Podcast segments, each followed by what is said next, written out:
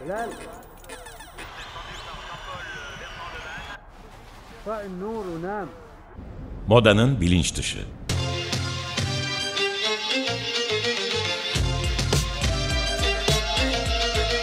Modanın kültürel tarihi ve güncel refleksleri. Cause you woke up in the morning with initiative to move, so I make it harder. Hazırlayan ve sunan Özge Kanlı. Time has come to Push the button.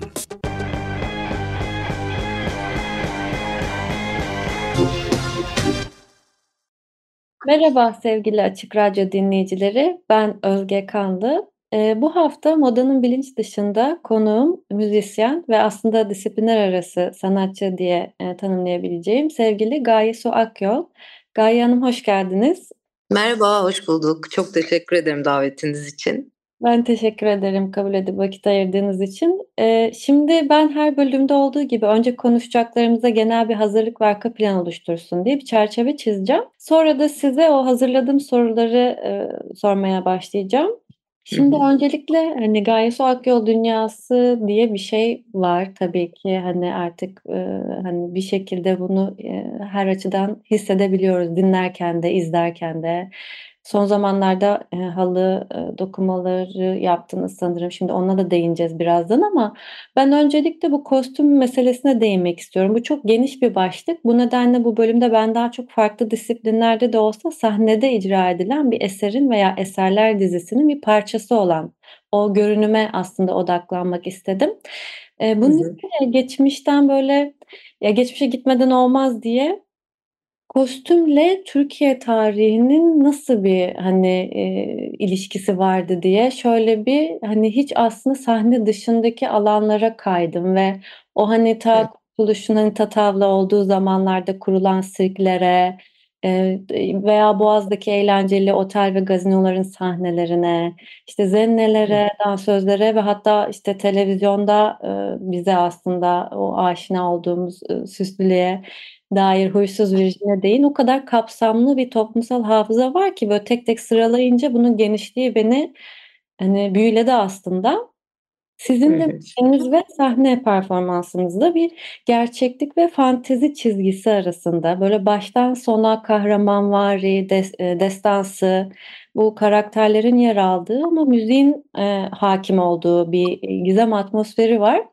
Eee, aslında sizin resimleriniz de var, yağlı boya resimleriniz ve halı dokumalarına da işlediğiniz yine o sınırları ve biçimleri böyle bir mitik olması dışında bir düşlemler dünyası var ve bir sembolizminiz var aslında. Hı şimdi hı. ilk sorum da bu yönde olacak. Bu, eee, disiplinler arası mitik anlatımların etkisiyle belki hem de müzisyen kimliğinizle, eee, bu Türkiye'deki kostüm serüvenini ve sizin için neler çağrıştırdığını biraz açabilir misiniz? Acaba sizin hatırladıklarınız ve bu konuya değer katan görünümler ne oldu sizin zihninizde? Yani 80'lerde doğmuş biri olarak, eee, aslında şahit olduğum görüntüler, eee, en sade tabiriyle şölendi benim için. Eee, çünkü, işte, o dönemi, eee, tanıyan bilenler çok iyi hatırlarlar. Türkiye'de, eee, TRT'nin o simli dekorlu stüdyolarında yan yana dizilmiş, eee, vatkalı, eee, ağır makyajlı, işte, dev saçlarıyla böyle Beetlejuice ya da fantastik bir, eee, müzikalden çıkmış gibi görünen kadınlar hatırlıyorum mesela. Çocukluğuma dair ilk hatırladığım, eee, görüntüler onlar. Eee, keza, eee, dönemin, eee, Maxim gazinosu kültürü vardı. O dönemle özdeşleşen bir kültürdü o. Eee, ve, işte, bütün müzisyenler, bütün sanatçılar en güzel kıyafetlerini en, eee, özenli hâlleriyle orada ilk kez gösterirlerdi. Modacılar bu, eee, konserler için çalışırdı. Onu hatırlıyorum çocukluğumdan. Keza yine böyle, eee, süper kahraman, eee, görünümlü olduğunu düşündüğüm, eee, mesela Müzeyyen Senar figürü var ve yine Zeki Müren ve onun o muazzam eklektik uzay çağı, eee, kostümleri var hatırladığım. Yani ilk mesela imajlar bu ve bir çocuk için çok tabii çok zengin bir, eee, sembolizm ve imaj dünyası bunlar.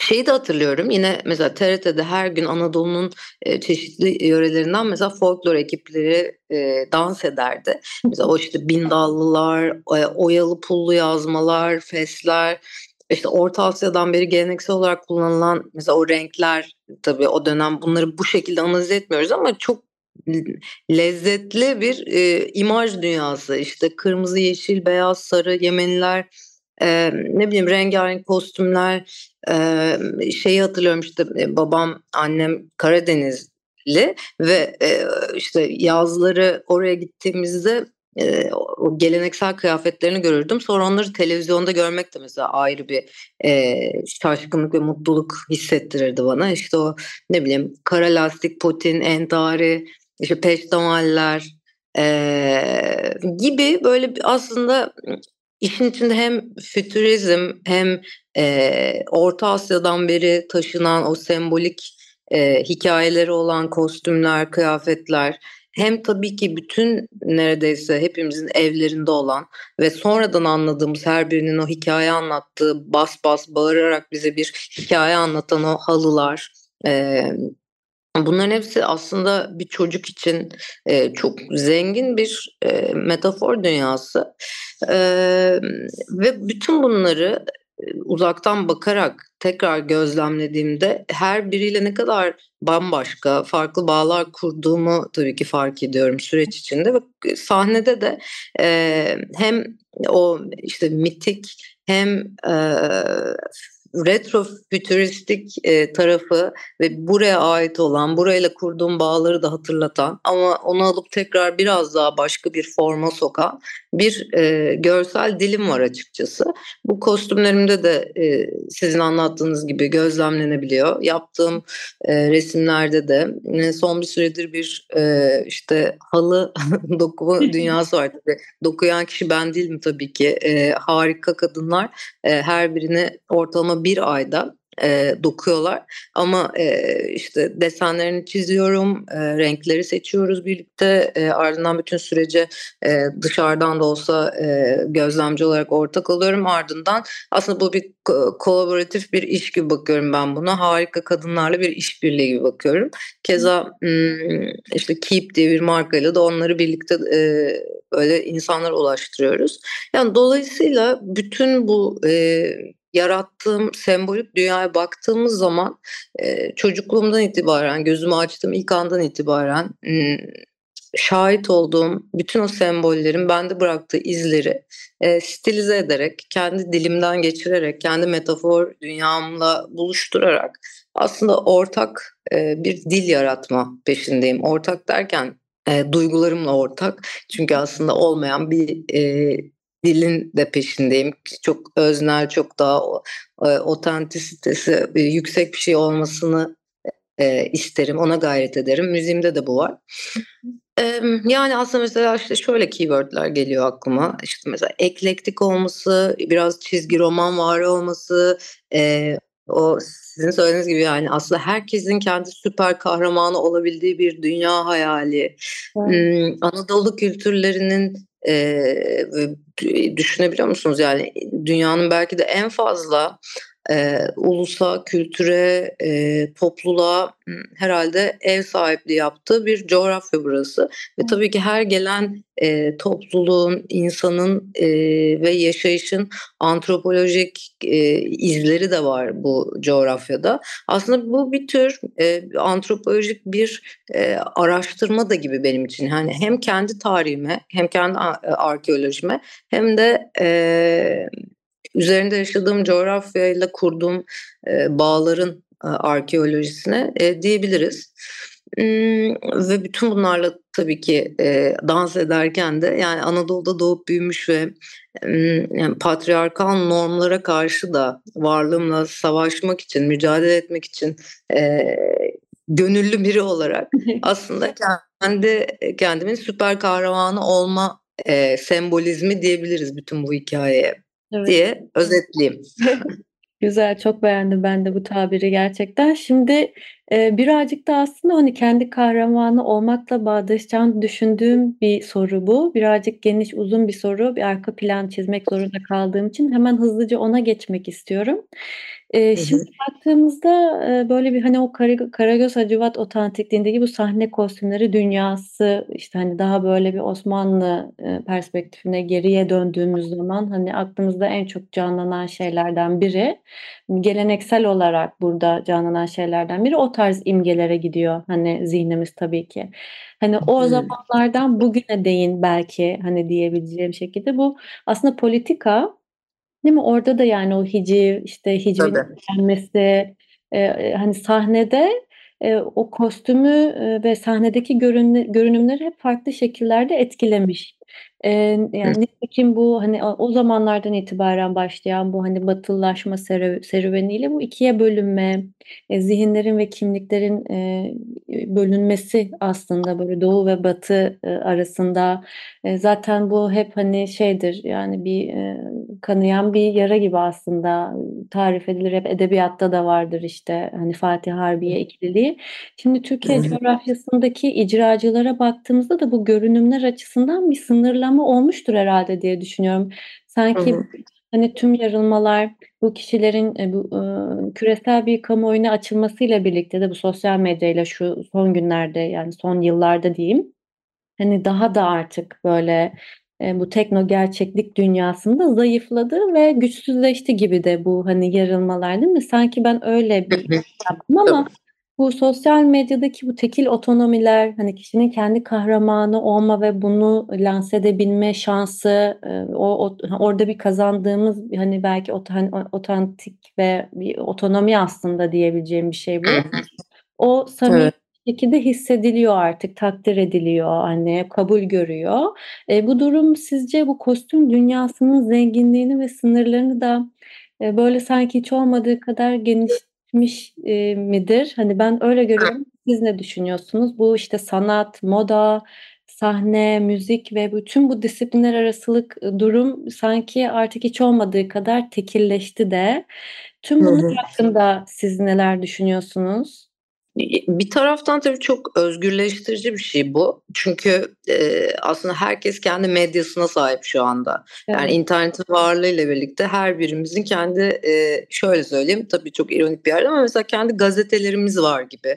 Her birimizin kendi dergisi var gibi. Herkes kendi, eee, dünyasını oralarda kurabiliyor ve, eee, aslında kamuya bunu bildiriyor. Bu, eee, bir taraftan çok özgürleştirici bir şey ama tabii bunun da, eee, böyle sınırlar çizilerek insanların içine sığmaya çalıştığı bir hâli de var. Yani, işte, o beğen beğeni kültürü, beğenilme arzusu, eee, sürüye uyma, eee, içgüdüsü, adına ne derseniz deyin. Ama bu işin politik tarafı, yani, benim daha da çok ilgilendiğim kısmı, eee, şimdi politikanın ve her devrin, kendi iktidarının sanatı boyunduruk altına alma gayreti ve aslında toplumsal cinsiyet normları üzerinden de bunu meşrulaştırmaya çalışması gibi bir, eee, hakikat var tabii ki. Ne bileyim, 1900'lerde de bu böyleydi. Hangi coğrafyaya giderseniz gidin bu böyle. Mesela Huysuz Virjin gibi bir karakterin varlığının, eee, ne bileyim 90'larda çok daha rahat yaşanabilmesi ama daha sonra sansüre uğraması da, eee, bunun bir göstergesi mesela en basit tabiriyle. Ben bu noktada aslında bu konudaki, eee, en fazla mesela mücadele etmiş isimlerin başında, eee, geldiğini düşündüğüm Zeki Müren'den bahsetmek istiyorum. Çünkü, eee, Türkiye tarihinin, eee, en önemli queer karakterlerinden biri olarak, eee, Zeki Müren zekâsını kullanarak bir devrim yaptı bu konuda bence ve pek çok, eee, farklı anlamlarda da. Emm, şöyle bir alıntı yapacağım bu noktada ve Zeki Müren'in kendi ağzıyla yaptığı harika açıklamaya, eee, dikkatinizi çekeceğim. Gerçekten manifesto gibi. Eee, mesela işte, eee, inanılmaz tepkiler geliyor tabii. 1900'lerin düşünsenize ortasında bir, eee, erkek, eee, karakteri olarak gördükleri bir kişinin şimdi mini etekle sahneye çıkması, eee, apartman topuklularla sahneye çıkması tabii ki büyük bir, eee, fırtına koparıyor. İşte, herkes bir yerinden tutmaya çalışıyor filan ve bu sırada tabii klasik Türk müziği söylüyor. Bu da çok önemli bir nokta. Bence orayı biraz atlıyoruz. Eee, ne bileyim, işte, popüler müzik, hafif Batı müziği tabir edilen o dönemki müzikler değil bunlar. Bayağı, eee, yüzlerce yıl bir e, geçmişi olan son derece sınırlara hapsedilmiş bir müzik türünü e, o kostümlerle icra etmesi de çok e, gerçekten insanın aklı almıyor. O dönem için ne kadar devrimci bir hareket. E, velhasıl diyor ki mesela bu konuyla ilgili icap ederse günün birinde dünya çapındaki bir revüde Adem ile Havva'nın Adem'ini temsil eder bir tek yapraklı sahneye çıkarım. Bu biraz cesaret işidir diyor ve sonra şu manifestoyu yayınlıyor bence. Manifesto olan bu harika şey.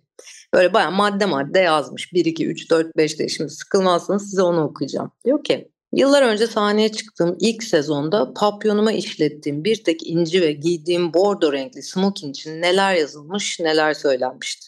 Halbuki bugün artist sahnede her şey yapabilir. Ben yeniliklerimi caddede tatbik etmiyorum ki. Futbolcular maça pijama ile mi çıkıyorlar? Boksörler ringde tulum mu giyiyorlar? Pehlivanlarımız mayo ile güreşmiyorlar mı? Judo veya barfix yapanların veya trapezcilerin suspansuarlarına sözümüz var mı? Zeybeklerimizin kıyafetinde diz kapakları kapalı mı? Dördüncü maddeye geçiyor. Cinsilatif dediğimiz cici hanımlarımızın süper mini modasına uyduğu son yıllarda benim eski Romalılardan, gladyatörlerden, Antoine'dan, Sezar'dan modernize ettiğim bir kıyafeti giymeye neden hakkım olmasın? Pek çok hanım sanatçının göbek ve göğüslerinin ve mevzun bacaklarının teşhir edildiği sahnelerde benim lame çizmemin üstünden bir karış fazla görünen sarı tüylü bacağımın sözü olur mu? İyi ki oldu. İnsan estetiğine güvenemediği yerini açabilir mi? Çok iyi. Altıncı maddede diyor ki asırlardır pileli mini etek giyen İskoç askerlerine ne buyurulur? 7. Bu bikini devrinde plajlarda uzun don mu giymeliyiz acaba? 8. Dünya seyahatimde batıda son entarili erkek modasını önce ben de hayretle izledim. Artık uzun saçlı, rengarenk kılıklı erkeklerin sokaklarda rahatça dolaştığı memleketimizde nasıl olsa başkaları tatbik edecekti bunu. Sahne yeniliklerinin naçizane öncüsü olarak erken davrandım. İyi yapmadım mı? Alkışlarınız neticenin müspet olduğunu göstermeseydi devam etmezdim. Gelelim Maxi'ye. 1. Dedelerimiz evlerinde entar giymiyorlar mı? 2. Padişahlar sırmalı elmaslı kaftanlarının altına ne giyerlerdi? 3. Kafkas beylerinin çizme üstüne giydikleri kıyafet maksi değil de nedir? 4. Rahipler kadın mıdırlar? 5. Mevleviler kloş etekleriyle semaya varmıyorlar mı? O ne ulvi bir görüntüdür. 6. Arap ülkelerinde yere kadar giyilen entarlara söz edilebilir mi? 7.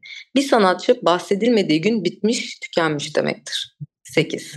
Yıldırımlar yüksek tepelere düşerler demiş atalarımız. Sizler benim siper-i saikamsınız ya da şaikam derin saygılarımla deyip bitiriyor. Şahane. Şimdi Gerçek gerçekten şunu duymak istedik. Belki radyoları şimdi açanlar olur.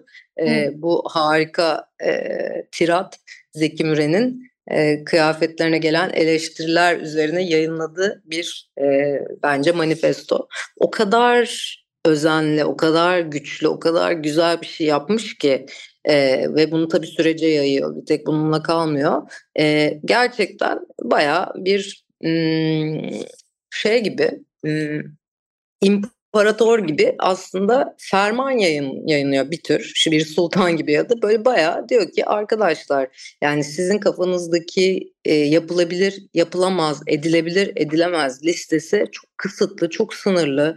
E, hiçbir kültürden, hiçbir farklı inanç ve inanıştan e, etkilenmeden günümüz son işte 100 senesine e, bağlı kalan e, modernist e, görünen işte o erkeklerin şöyle giyinmesi gerekir, kadınların da böyle giyinmesi gerekir diyen bir anlayışın ürünü ama ben sanatçı olarak bunu kırmakla yükümlüyüm deyip bunu muhteşem ikna edici bir dille bize aktarıyor. E, gerçekten mesela okuduğumda e, zekasına bir kere daha hayran kalmıştım, saygı duymuştum Zeki Müren'in.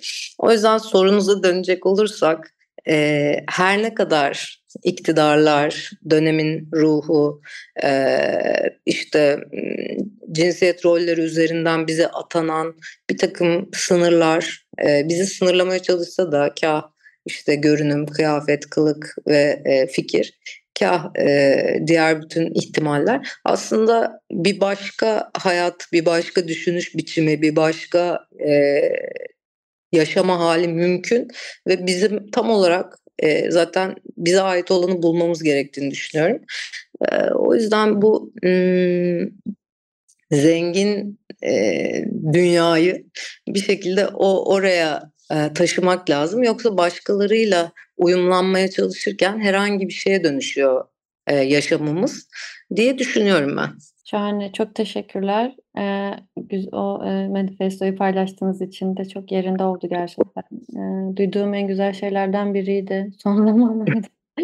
ee, şimdi e, e, bir diğer soru yine sizin aslında sembolizminizin e, macerasına yönelik. Yani e, bunun e, nasıl başladığı ve ne şekilde devam ettiğiyle e, birazcık oraya yönelmek istedim. Hem icralarınız hem de görünümleriniz bakımından bunun seyri dev, bir devinim içerisinde mi? Yani belli bir şeyi tercih ederken başka bir şeye yöneldiniz mi ve nasıl ilerliyor? Nereye doğru e, süreç acaba? Yani sanırım sembolizme dair ilk gördüğüm görüntüler babamın e, evin neredeyse tüm duvarlarını kaplayan resimleriydi. Hı hı. Ve garip şekilde aslında hep böyle çok melankolik derdi olan böyle içli bir çocuktum ben. Hatta yani şeyi hatırlıyorum işte e, sembol dünyasının içinde kendi kainatımı yaratırdım diyebilirim en poetik haliyle. Çünkü işte sürekli küçük yaşlardan itibaren şiir yazan, e, resim çizen e, ve hayatla mücadele etme yöntemini ya da işte sıkılma iyi bertaraf etme yöntemini hep oralarda arayan bir çocuktum. Ve bu büyüdükçe de aslında gelişerek ya da dallanarak genişlemeye başladı. Ve Sanırım şey gibi görüyorum yani insan tabii ürettiği şeyler üzerinden kendini okumaya çalıştığında yepyeni dünyalar keşfediyor. Bu zamana kadar yazdığım şarkılar, çizdiklerim, ürettiklerime baktığım zaman şeyi çok net görüyorum yani aslında kayıp bir gezegenin mesela arkeolojik kazısında bulunmuş bir e, dil gibi bir e, lisan gibi ürettiğim şeylerin bütününe bakınca yani başka bir gezegende birileri bunu biliyor. Fakat o o da o da oranın çok daha e, mitolojik e, ya da en azından mitolojik demeyelim ama yaşanmış ve e, toprağın altında kalmış bir hali gibi. Yani böyle bir ötekilik bir ayrık soğutu hali bir e, yabancılık hali var bir taraftan ama bir yandan da buraya çok bağlı. Bu bu bu topraklarda bu dünyada bu bu kainatta e, yerini arayan ve içinde doğduğum kültürün izlerini çok rahat görebileceğimiz sadece biraz biçim değiştirmiş gibi görünen yani bir rüyada bir David Lynch filminde e, Anadolu'yu izliyormuşuz gibi bir var sanırım. E, böyle tekinsiz bir tarafı da var e, ait de hissediyorsun. Şey gibi korktuğun bir ormanda yürürken e, yavaş yavaş ona alışıp bir dakika ya ben bu yabancılığa aslında çok daha erken alışabilirmişim. Artık yabancı değilim ben de buraya ait hissediyorum gibi bir e, yine sembolik bir e, imaj çizebilirim. E, ve her üretimimde de aslında biraz daha derine ve e, sağa sola yanlara e, yayılan genişleyen bir hali de yok değil. E, mesela işte son albümde e, yine benzer bir şekilde bir e, arkeolojik kazının e, fütürist bir tarafla buluşmasıyla mesela şöyle bir şeye dönüştü. İşte e, mesela Türk ve Çin mitolojisinden yaratıklar var, işte şaman sembolleri var Antik büyük kitaplarındaki illüstrasyonları ben çok severim. Çok etkilenirim. Hatta bir tanesine dövme yaptırmıştım. İşte yapay zeka ile bu ara çok haşır neşirim. Orada ürettiğim mesela ejderhalar, onlar üzerinden yazdıklarım işte yan yana gelip bütün oluşturan yığınlar, retrofütürist yine bu iki kelimeyi çok kullanıyorum ama gerçekten çok sevdiğim bir e, üslup. E, retrofütürist biçimler, aygıtlar, e, galiba gözümün önüne ilk gelen imgeler son albüm için bunlardı. E, yani aslında şey gibi genel olarak uzaktan baktığım zaman bütün hikayeye basitçe işte o hayatta kalmanın ağır e, yüküyle baş etme yöntemlerim bunlar. Hmm, ya da hayatın sıkıcılığıyla e, dans edebilme yöntemlerim. E, yepyeni imgeler yaratmak, semboller üretmek, kostümlerimde, resimlerimde, e, sazımda, sözümde e, ve dokunduğum her şeyde aslında hmm, bir buralılık ama bir taraftan da yepyenilik ve bir yabancılık hissi. Bunun içinde işte ne bileyim albümlerin kendi mitolojisini yaratması da var. Doğup büyüdüğüm toprakların ve kültürlerin izleri de var. Ee, Anadolu kelimesi zaten çok güçlü bir kelime bir taraftan. Yani e, anlam olarak da eski Yunanca'da mesela doğuş demek, güneşin doğuşu anlamına geliyor. Yani aslında her yeni günde yeni bir e, arayış, yeni bir bulma hali ve bulamasak da arama hali var.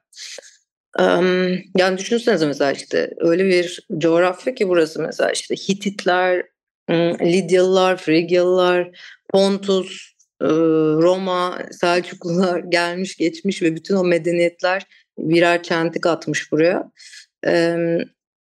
Böyle şey yani zihnim bütün bunlarla yepyeni alıp bunları yepyeni bir dünya kuruyor aslında zihnim içinde. şarkılar söylüyor, resimler çiziyor. İşin içinde şimdi tabii metaverse girdi, işin içine dijital çağ girdi, e, işte yapay zeka girdi. Yepyeni bir deryaya e, giriş yaptık filan. E, o yüzden zor bir şey e, insanın zihninin karanlıklarını, derinliklerini, odalarını anlatmak. Ama e, işte bir yandan da çok cesurca e, kendinizi ifşa ediyorsunuz yaptığınız işlerle. Her şarkı, her yeni desen, her yeni söz bir ifşa aslında içine dair. Dönüp sanatçı ona bakınca da hadi canım bu, bu da mı bana bu da mı benden çıktı yani bu da mı benim uzantım bunu da mı hissetmişim bu kadar mı e, karanlıklara girmişiz çıkmışız gibi e, yabancılaşmalar da oluyor. E, o yüzden aslında genel olarak toparlayayım. Bütün bu yolculukta hissettiğim şey herhalde var olmanın hafifliği ve ağırlığı diyebilirim. Yani bunun bu ikisinin arasındaki çıkarılan sesler, üretilen biçimler ve ötesi. Çok teşekkürler. Gerçekten aslında hep o ikiliye dönük sorularım oluşmuş benim de şimdi geriye dönüp baktığımda. Gerçekten vardığımız nokta da biraz o ikilik üzerindeki o aradaki serüvene dönük oldu. Hı ben hı. zaman ayırdığınız için çok teşekkür ederim. Çok verimli ve, gerçekten, otantik bir bölüm oldu. Ben teşekkür ederim. Harika sorular. Eee, çok teşekkürler. Muazzam bir, eee, program yapıyorsunuz bence. Çünkü aslında modanın sosyolojisi ve antropolojisi üzerine sohbetler genelde. Eee, o yüzden, tarihe çok güzel bir şey bırakıyorsunuz diye düşünüyorum. Parçası olmaktan mutluluk duydum. Eee, çok teşekkürler. Ben de teşekkür ediyorum ve Açık Radyo'ya ve sevgili Açık Radyo müştereklerine bize bu alanı açtıkları ve, eee, bunları tartışmaya vesile olmamıza yardım yani bir, destek oldukları için teşekkür ediyorum. Modanın Bilinç Dışı 2 hafta sonra, eee, aynı gün ve saatte farklı ve farklı bir konu ve konukla tekrar burada olacak. Hoşça kalın. Baybay.